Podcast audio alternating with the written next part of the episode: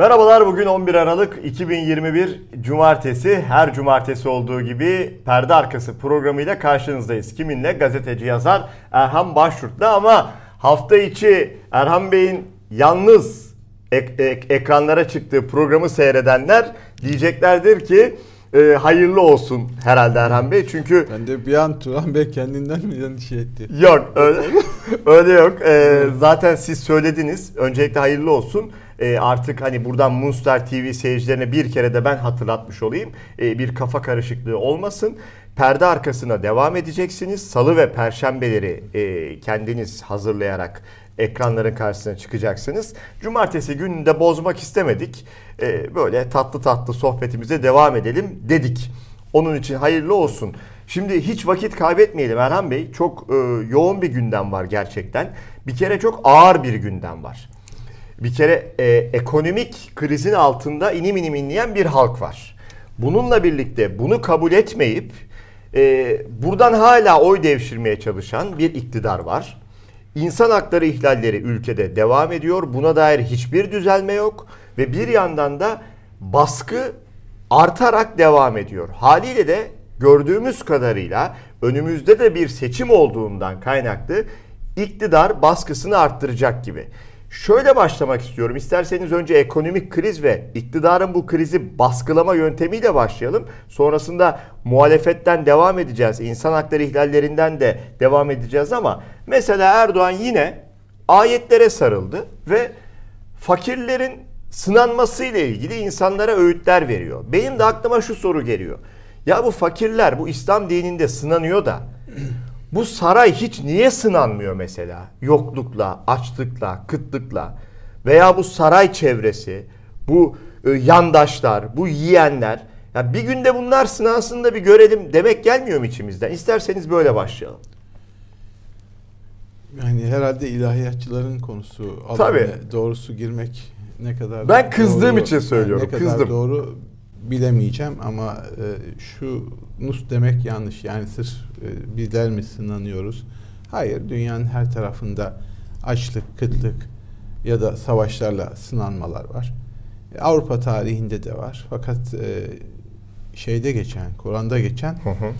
e, mülkün insanlar arasında devir daim olduğuna dair. Yani dolayısıyla e, bir insan bütün hayatı boyunca lineer doğru şeklinde böyle hep mutlu ya da hep üzgün olmaz. Dolayısıyla e, Türkiye bir süre sınanabilir, e, Müslümanlar sınanmış olabilir ama bir başka dönemde de diğerleri sınanmıştır. O değişiyor. Birine üstünlük, birine altta. Bu başka bir şey. Fakat yani ilahi böyle bir şey var. Fakat Erdoğan'ın buna sığınması doğru mu? Evet. Şimdi bunu doğru bulmam. Neden? Bizim konumuz bu aslında Evet işte. yani bu bu suçu Allah'a atmak diye Heh. cevap vermiş ya CHP katılıyorum.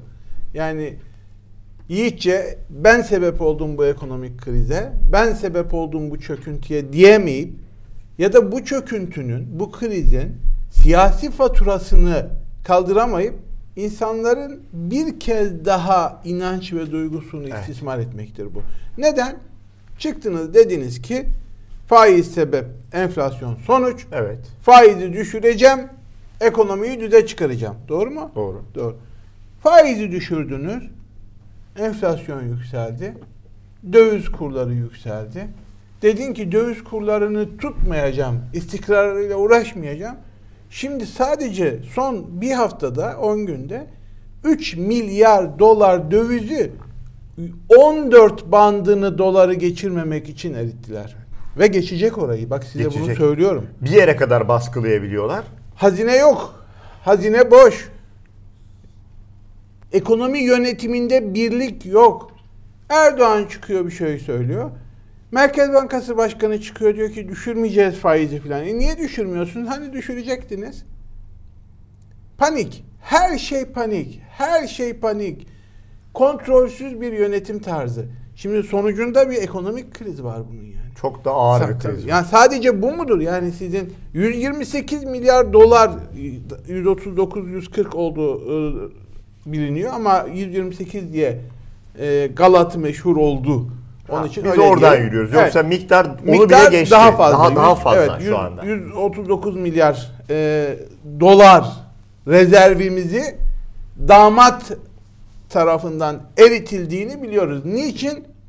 Biz dediler ucuz piyasaya döviz verdik ki bizim Merkez Bankası'nın kasasındaki paraları verdik ki dolar yükselmesin. E şimdi sen doların önünü açtın. O zaman 128 milyar doları niye hibe ettin birilerine? Şimdi o 128 milyar doları alan insanları iki kat Türk lirası bazında zenginleştirdin şu an. Çok basit sorular bunlar aslında. Çok basit şeyler. Yani- Cevabını veremedikleri sorular Ortada bunlar. ortada siyasi bir e, yönetememe Evet. sorunu var. Yoksa Allah insanları imtihan Sınavda, eder. Bu başka bir şey. Sağlıkla kardeşim? imtihan eder. E, yoklukla imtihan eder. Korkuyla imtihan Tamam Ama bunlar ayrı. ayrı bir şey. Ama bu senin kusurlarını Allah'a atfetmeni gerektirmez yani. Şöyle düşünün. O zaman bu mantıkla gidersek e, araç kullanıyorsunuz. Geldiniz yayaların ortasına daldınız, ezdiniz, geçtiniz.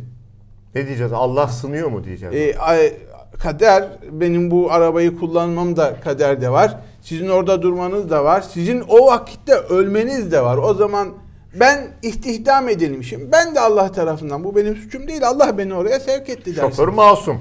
Şoför masum. Ya da elinize silahı alıyorsunuz, dalıyorsunuz sivillerin içerisine tarıyorsunuz.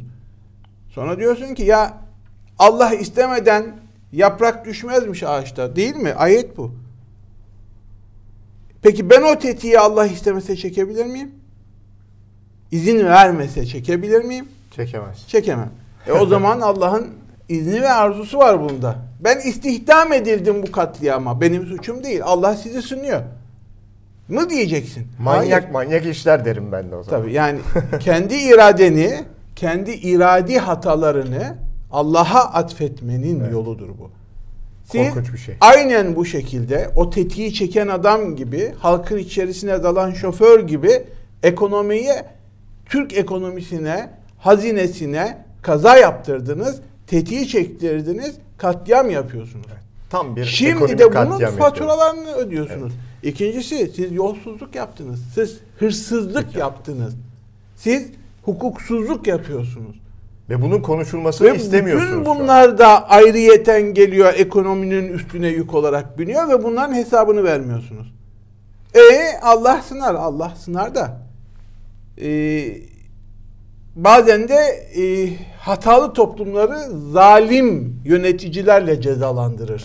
Problem burada o aslında. Tam da o. Yani- şimdi çok ağır bir e, fatura var ülkede. Çok Evet. ağır ve şu anda belki e, en önemli gündem yani bütçe görüşmeleri gerçekleşiyor mecliste. Sizin şu kısa sürede bahsettikleriniz ve çok daha fazlasını haliyle muhalefet yüzlerine yüzlerine soruyorlar. Siz bunu yaptınız, şunu da yaptınız, böyle dediniz, böyle yaptınız. Ondan sonra bir de suçu Allah'a atıyorsunuz diyorlar. Bu kez muhalefetin üzerine yumruklarla yürüyorlar. Evet. Halka bir hesap vermek yok. Şiddetle veya işte dine sığınarak bir e, geçiştirme var. Bu istismar, yıllardır süren bir istismar. E, milletin bunu görmesi, bilmesi gerekiyor. Cuma çıkışlarında siyasi Evet. beyanat vermek nasıl bir siyasi istismarsa, dinin istismarıysa, e, canlı yayında Kur'an okumak e, nasıl bir din istismarıysa, bu da Allah'a atfederek kendi kusurlarını örtme çabası, e, oy kaybını önleme hatta tam tersine dini duygularını istismar edip oylarını artırma çabası. İnsanlar bu tuzağa düşmesinler. Bu koltuk için yapıyorlar değil mi? Katiyetle koltuk benim Ondan için yapacak korkuyorlar halleri yok. E, kendi koltuklarında oturma sürelerini uzatabilmek için yapıyorlar. Bu kadar hatayı örtüp kusursuz kullarmış gibi, kusursuz yöneticilermiş gibi o koltukta istismara, yolsuzluğa ve zulümlerine devam etmek için yapıyorlar. Buna ona istiyorlar. Hala isteyebiliyorlar. Hiç- Buna hiç- hala hiçbir- ona ist- utanmadan ona istiyorlar. Yani onay is- istiyorlar ya da bilmiyoruz işte burası şu an tartışmalı. Onay mı isteyecekler yoksa eli sopalı seçim mi yapacaklar diye. Eli- Geliriz buraya istersen Eli ama. sopalı bir seçime herhalde gidiyoruz Evet. değil mi? Yani çünkü bir seçim var artık bu Yani kaçınılmaz. Ya 2023'te 2023'te kaçınılmaz bir seçim var Var. sevgili Turan. Buradan sorun yok. Fakat o seçimlerin e, adil ve şeffaf bir seçim olup olmayacağı tartışması var. Yani ya da işte İstanbul'da olduğu gibi iptal edip trafolar Ankara'da bir önceki seçimde Bir yaptıkları gibi trafolara kedi girmesi o arada işleri değiştirmek olabilir. Ya da 1900 e, şeyin döneminde e, İttihat Terakki döneminde ilk seçimlerde yapılan eli sopalı insanların sokakta muhalefeti sindirip dövdüğü, insanların sadece İttihat Terakki'ye oy vermesini sağladığı meşhur sopalı seçimler diye bilinen bir seçim var. Sokakların terörize edilerek baskı altına alındığı bir seçim o. Böyle bir seçim deneyebilir Erdoğan ve şeffaf olmayacağı için de görüntüsel bir seçimden bahsediliyor. Dolayısıyla ancak ve ancak böyle kazanabilir. Çünkü anketler net. Sadece Erdoğan erimiyor. Ortağı Bahçeli de eriyor. Her iki partinin toplamı yüzde kırkın altına inmiş gözüküyor. Son ardarda birkaç ankette. Ee, kim aday olursa olsun kaybediyor evet. neredeyse gözüküyor. Eskiden Kılıçdaroğlu kazanamıyordu. Şimdi o bile kazanıyor gözüküyor Erdoğan karşısında. Dolayısıyla zordalar. Çok zordalar. Evet. Bunu ve, da farkındalar. Ve e, o çok istismar ettiği e, ilahi kudretin de kendilerini terk ettiğini düşünüyorlar. Neden? Bir ara çok meşhurdu. Ee, Erdoğan e, körün taşı gibi. Erdoğan'ın yaptığı işler. Kör taşı atar, havada Allah onu düzeltir, hedefi buldurur. Çünkü kör görmeden atıyor derlerdi. Erdoğan da bir şey yapar, sonucunu yanlış yaptığı an yanlış bile olsa Allah onu havada doğrultuyor. Erdoğan bundan kazançlı çıkıyordu. O öyle bir şey vardı AKP bünyesinde. Erdoğan'ın işleri körün taşı gibidir. Allah onu havada düzeltir diye. Şimdi düzgün yaptıklarını sandıkları işlerde bile havada taşları bozuluyor. Ters. Hmm. Geri tepiyor. Bumerang gibi geri geliyor. Kafasına artık. düşüyor filan. Kafasına düşüyor. Attığı taş kafasına düşüyor ya da havaya atıyor. Şimdi şey değişti. E, hata üstüne hata yapıyorlar. Ve artık eskisi gibi gündemi istedikleri gibi peşlerinden sürükleyemiyorlar. Belirleyemiyorlar Belirleyemiyor. Mi? İşte bunun için biraz önce sizin bahsettiğiniz şey oluyor. Biz Çin modeline geçeceğiz. Evet. Çin modeli demek, Çin ekonomide var. Çin modeli demek e, aynı zamanda demokrasi liginden çıkmayı gerektiren Tabii. bir şey. Kapalı devlet olmayı gerektiriyor. Ya da işte sosyal medya e, faşizm var burada diyor. Hayır sizin iktidarınız faşizmi uyguluyor. Problem burada. Sosyal medya Sosyal tek medya özgür alan. Tek kal, geriye kalan tek özgür alan ama şu an ondan bile rahat. Yani medyanın, televizyonun, gazetelerin yüzde 90-95'ini kontrol altına almışlar. Tatmin olamıyorlar. O yüzde beşlik bir alan kalmış. Orayı nasıl kontrol ederiz, sustururuz ki gerçekler bilinemesin diyorlar. Şimdi sosyal medya takıntıları yeni değil. Daha önce bir girişimde bulundular seçimlere yakın tıpkı Çin'de olduğu gibi sosyal medyayı da yasaklama ihtimalleri var. Evet çünkü her Tabii. alanda aslında Çin yani, modelini çünkü ö- yaptıkları hileler, yapacakları hileler, yapacakları hukuksuzlukların hiçbir şekilde kitlesel olarak bilinmemesi gerekiyor. Bilinmesinin önüne geçmenin yöntemi de tıpkı gazete ve televizyonlara el koydukları gibi sosyal medya mecralar, alternatif medyayı da susturmaları. Dolayısıyla o zaman yaptıkları yolsuzluklar, hukuksuzluklar fark edilene kadar bunlar Atalan iktidarı geçmiş oluyor. Şimdi mesela e, muhalefet de rahatsız. Biraz önce siz şunu Hı. söylediniz. Artık gündem belirleyemiyorlar. Evet. E, gündemi muhalefet partileri artık belirliyor. E, Kılıçdaroğlu'nun etkinliğini konuşmakta fayda var. Kılıçdaroğlu Erdoğan'ı çok rahatsız ediyor. Mesela e, halkın içinde geziler yapıyor, farklı şehirlere gidiyor. En son Urfa'daydı.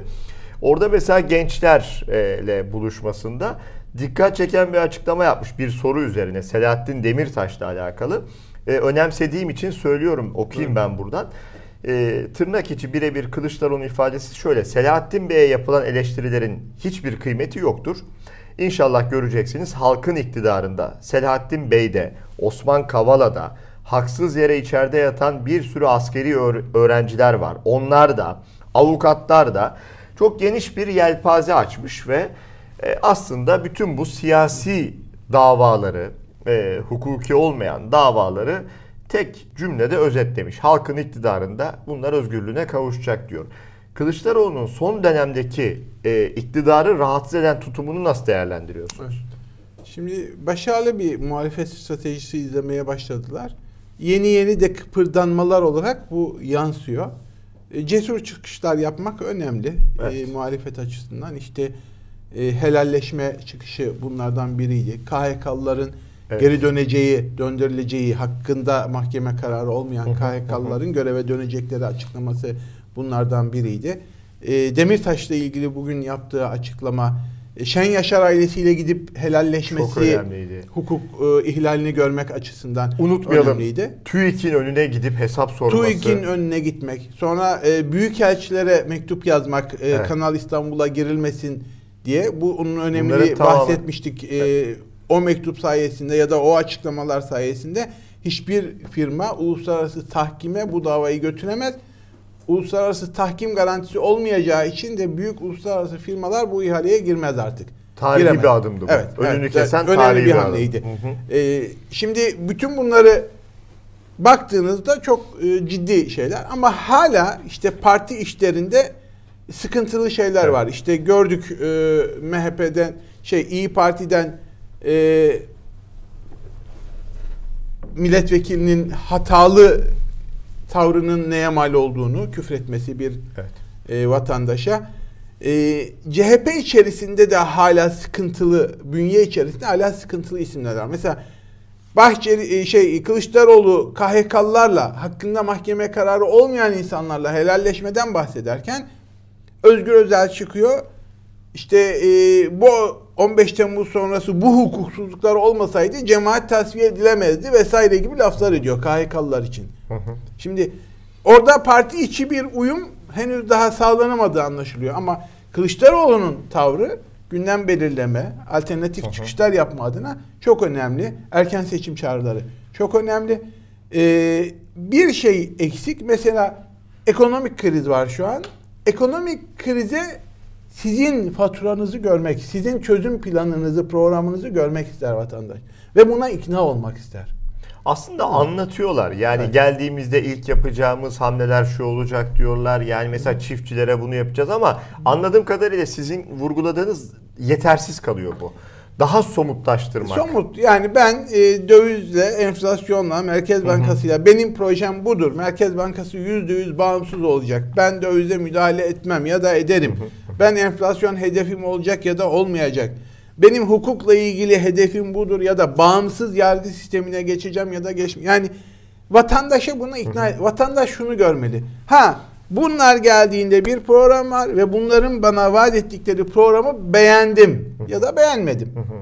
Yani o o aşamaya henüz geldiğini düşünmüyorum Anladım. ama siyasi hamleler olarak çok doğru yeni e, hamleler, çıkışlar oldukça yerinde ve etkili sonuçlar veren etkili. hamleler. Rahatsız da ediyor. Rahatsız da ediyor. Erdoğan açıklamalarından belli ve o kadar rahatsız ediyor ki e, biraz önce söyledik Türkiye'yi karanlık bir mecraya evet, da götürebilirler evet, evet. diye. İşte Bahçeli hatırlarsan daha önce bir bakarsın e, Barlas'ın bir bakarsın CHP kapatılmış yazısı açıklaması vardı. Bahçeli'nin CHP aleyhine açıklamaları vardı. Bahçeli'nin son dün yaptığı bir açıklama var. Kılıçdaroğlu'nun çıkışlarını işte bu açıklamalarını e, PKK'nın silahlı terör örgütü liderleriyle den daha tehlikeli bulduğunu söylüyor.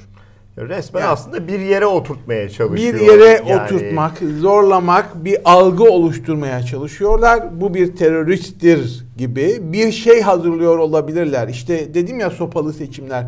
Seçimden normal yolla ve yöntemle artık kazanma ihtimalleri sıfıra yakın. Öyle gözüküyor. AKP ve MHP evet. birlikteliğinin. Ancak hileli seçim yapabilirler. Bu hileli seçimlerin halka ulaşmaması gerekiyor. Hile yapıldığının. Onun için de sosyal medya ve diğer alternatif medyayı susturabilirler. Deneyeceklerdir en azından. Ya da CHP'nin, İyi Parti'nin etkin bir şekilde seçime girmesini engelleyeceklerdir. Evet. İşte Bahçeli'yi içeri aldıkları gibi, CHP'den bazı isimleri engellemek gibi, İyi Parti'den engellemek gibi, şey gibi. Yani e, o Borat filmini hatırlar mısın? Koşu yarışı sahnesi vardır. Hani böyle havaya ateş ediyor ya başlar yarışı başlatmak için. O rakiplerin dizlerine ateş ediyor koşmaya başlıyor. Zaten rakip kalmıyor. Evet, ama görünürde onlar da arkadan topallıya topallıya koşmaya çalışıyorlar. Borat birinci oluyor. Ee, o, onun gibi e, hileli seçim bu ya da muhalefeti etkisiz kılacak görünürde bir seçim görüntülü bir şey yapmayı deneyeceklerdir. Ha mümkün mü? Deneyeceklerdir. Ben mümkün demiyorum. Yani Ee, ama görünen o ki diyorum, görünen o ki diyorum, işler şu andan itibaren daha kötüye gidiyor. Bunu sadece ben de e, söylemiyorum. Mesela işte Avrupa Konseyi e, kararları Avrupa Birliği'nin sıkıştırmasından sonra mesela Ayşe Hür'ün bir e, tweet'i vardı. E, o şöyle diyor. Çöküş dönemine girmiş Erdoğan'ın işe kapanıp acı ilaçları bize TSK ve polis sopasıyla içirmesi için dünyadan soyutlanması lazım. Evet. Yani O- o ülkeyi kopuş. soyutlaması lazım. Paradoks da burada. Yani Avrupa daha hukuka dön diye baskı yaptıkça Erdoğan Avrupa ve Batı ile bağlarını koparıp daha içeriye kapanacak ve daha çok zulmetmeye başlayacak. Tamam mı? çünkü bunun aksi şansı yok. Bütün bir Hukuka dönemde dönemiyor. dönemiyor. Evet, bütün esas problem yani Problem bu. Türkiye'de mihenk taşı dediğimiz yani aşil topuğu, iktidarın Evet. aşil topuğu diyelim hukuka dönememek. Evet. Çünkü suç işlemişler, suç işlediler, suç işlemeye devam ediyorlar. Bu suçların hesabını vermeleri gerekiyor hukuka dönerlerse. E, veremeyecekleri E zaten bunun hesabını vermemek için hukuktan çıktılar 15 17-25 Aralık. de ülkeyi yaktılar. 15 Ülkeyi Temmuz. yaktılar. Anladın mı? E şimdi bunu yapamadığı için de hukuka dönemediği için de o zaman daha fazla hukuksuzluğa doğru gidecek. Yani şey gibi düşünün. Suç makinesi bir insanın e, suçlarını bırakmak, yeni suçlar, eski suçlarından tövbe etmek, hesap vermek yerine Yerine. daha fazla suç işlemeye devam etmesi gibi. Mesela şöyle e, yine gündemde diye hızlı hızlı konuşalım. Buyurun. Çok acı bir olay var. Mesela genç bir kadın gündemde. Kesin. Korkunç. Yani korkunç. yok. Başka bir şey diyemiyorum. Hiç Hangi ifade? Garibe gezer. Aynen öyle. Kandıra cezaevindeydi sevgili seyirciler. Tutukluydu. Bir sürü işkence ve tecavüz iddiası var. Bir kere bunların zaten araştırılmaması başlı başına bir garabet, e, skandal, insan hakları ihlali. Sonrasında hücresinde kendini astığı iddia ediliyor. Bu kısmı da şaibeli. Yani nasıl hayatını kaybettiği bu genç kadının bilinmiyor. Sonra skandallar devam ediyor. Ee, cenazenin taşınmasıyla alakalı cenaze arabası gönderilmiyor. Yani e, insan insan hayatına saygı olmadığı gibi ölüye de saygı yok. Bir e, kamyonet kasasında götürülen bir cenaze görüntüsü bir poşete sarılmış. E, başlı başına korkunç. Yani dediniz ya suç işliyorlar, suçları var ve ülkenin her bir köşesinde çünkü bu suçlar onları bağlar soruşturmadıkları için de suç işlenmeye, insan hakları ihlalleri işlenmeye devam ediyor. Evet. Sevgili Turan, e, Garibe'nin hikayesini biraz açmak istiyorum. Lütfen. Yani öyle e, sıradan bir vaka değil. Garibe'nin e, prototipinden Türkiye'de Türklerle Kürtlerin, Kürtlerin devletle bağlarının nasıl yok edilmeye başlandığını, duygusal bağların esas itibariyle kesildiğini göreceksin. Niçin kesildiğini anlayacaksın. Nasıl kesildiğini anlayacaksın. Şimdi Garibe Sezer'le ilgili e, politika gazetesinden, Yeni Özgür Politika gazetesinden Meltem Oktay inanılmaz hoş, başarılı bir çalışma yapmış. Tebrik ediyorum. Ve o hikayeyi oradan görelim. Şimdi Garibe 25 21 yaşındayken 6-8 Ekim 2014 Kobane eylemleri oluyor. Kobane eylemlerinde ağabeyi Bilal Gezer katlediliyor. Bilal Gezer'in katledildiği kurşun bir devlet silahından çıktığı anlaşılıyor. Ve hala bu soruşturma sonuçlanmamış. Hesap sorulmuyor. Sos- Burada sorun. başlıyorlar. Başlıyor. Hı hı. iş burada başlıyor. Gezer ailesi daha sonra hatırlarsan e, şeyde şehirleri kuşattılar da e, tanklarla Cizre'ye, Silopi'ye, Sur. Sur'a girip yerle bir ettiler ya. Evet. O dönemde bunun ailesinin, Sezer ailesinin oturduğu yerin de boşaltılmasını istiyor devlet. Bunlar da evimiz burası boşaltamayız, gitmeyiz bir yere diyorlar.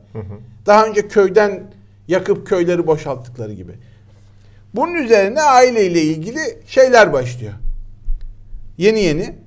Aile kardeşiyle ilgili hesap sorulması ve bu yapılanların e, sonlanmasına dair bir yürüyüş halk yürüyüşünde yer alırken polis gruba ateş açıyor ve abisi yaralanıyor, felç geçiriyor ve hala felçli bir abisi. Bir abisi öldürülmüş, bir abisi felçli. Ve bunun da hesabı sorulmuyor. Onun da.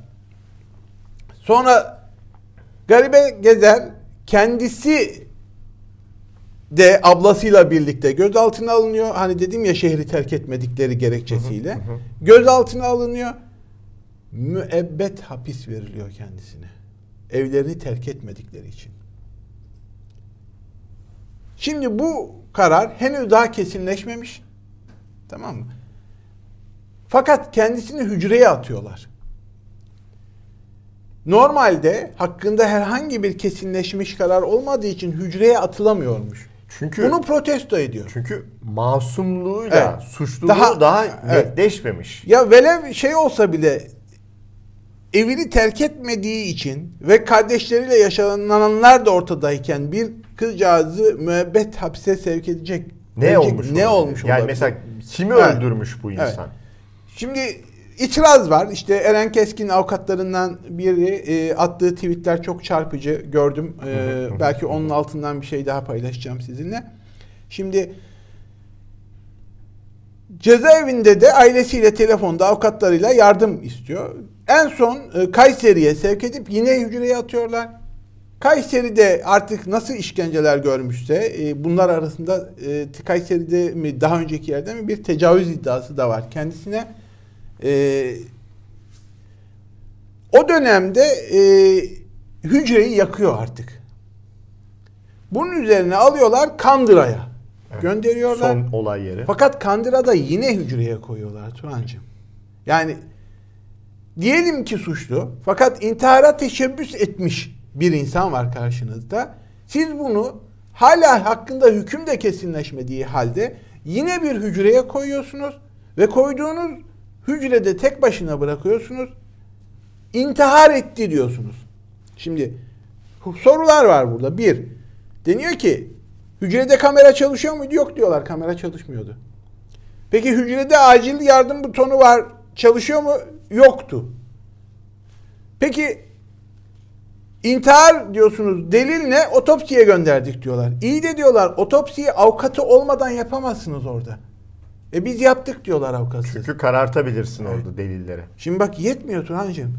Geliyorlar cenazesini almaya çalışıyorlar. Polisin biri diyor ki burada slogan bilmem ne atan çekin gidin bilmem ne. Cenazenizi de alın gidin buradan. Cenazenizi de alın gidin. Ya tamam. Lan diyor bu arada. yani, hakaret ediyor. Hakaret Sonra ediyor. götürüyorsunuz. Cenazenizi memlekete götürmeniz gerekiyor. Kandıra'dan alacaksınız. Mardin. Mardin'e götürmeniz gerekiyor. Belediye araç vermiyor. Daha doğrusu polis belediyenin araç vermesini engelliyor. Kamu aracıdır. E bu terörist. Akit gibi bir densiz gazetede işte bir terörist daha cezaevinde öldü diye de haber gibi. Zihniyeti anlayın diye söylüyorum. Ve öyle korkunç ki tek bir e, hüküm yok. Yani kesinleşmiş bir mahkeme kararı yok. Sen e, sözde gazete olarak hüküm veriyorsun. Tabii.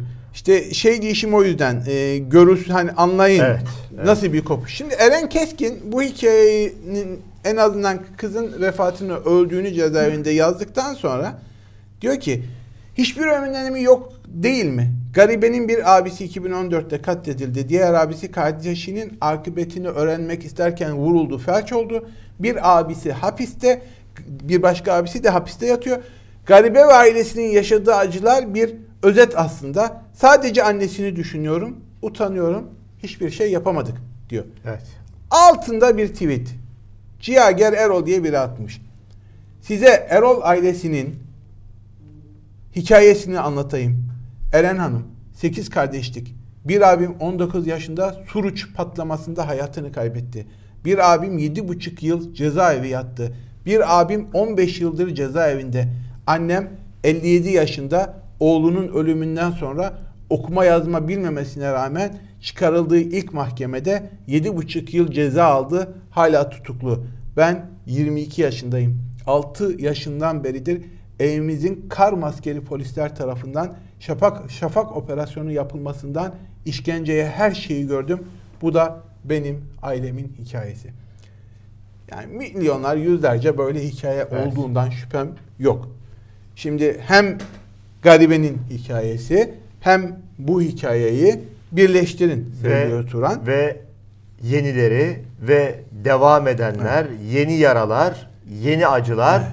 Yeni insan hakları ihlali. Peki bu kadar acı üstüne acının biriktiği, geçmişten gelenlerin de olduğu bir ülkeden nasıl huzur çıkacak Erhan evet. Bey? Bu, bu ülke nasıl Çıkmaz barışacak? Turan. Ben e, hani onlar ayette imtihan vesaire diyorlar ya ben de onlara yine ayetle cevap verelim. Onların Allah zalim toplumu ıslah etmez diyor. Zalimleri ıslah etmez diyor.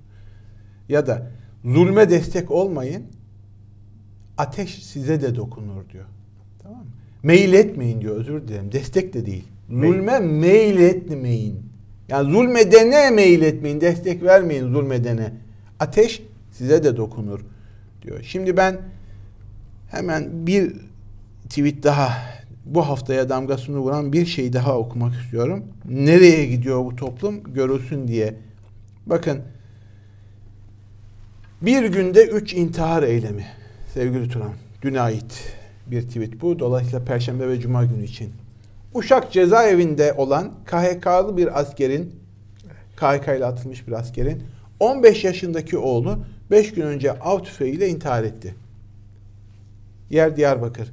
KHK'lı memur ihraç edilen Fatma Demirel iş arıyor, bulamıyor, evet. bunalıma giriyor. Çocuk sahibi bir anne intihar ediyor.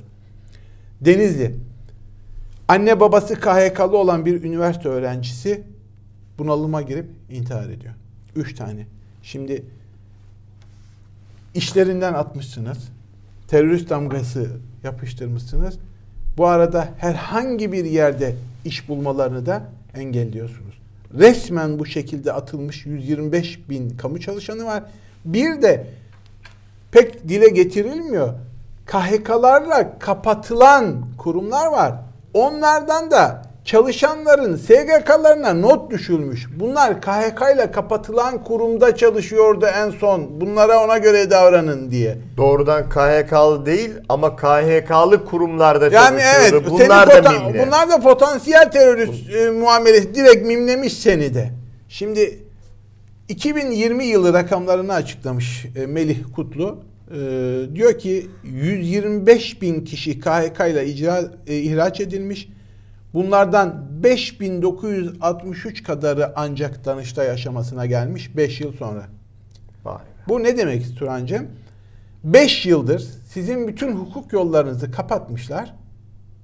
Tamam mı? Bütün itirazlarınızı yani haklıysan bile 5 yıldır sen dosyanı ancak 6000 tanesi yani 125'i 5'e böldüğünüzde e, 20 25'te biri mi? E, 5 evet 25'te biri kadarı bunun 25'te biri kadarı 25 kişiden bir tanesi mağdurların ancak Danıştay seviyesine gelmiş.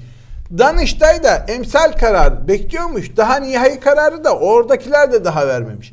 Daha bunun bir de Anayasa Mahkemesi sonrasında bir de Avrupa İnsan Hakları Mahkemesi süreci var. Bu insanların hukuka erişebilmeleri için daha doğrusu hukuki bir karakara ulaşabilmeleri için Türkiye'de hukuk olmadığına göre ahime ahimden de sonuç çıkması için 10 ya da 15 yıl geçmesi gerekiyor Kur'ancığım.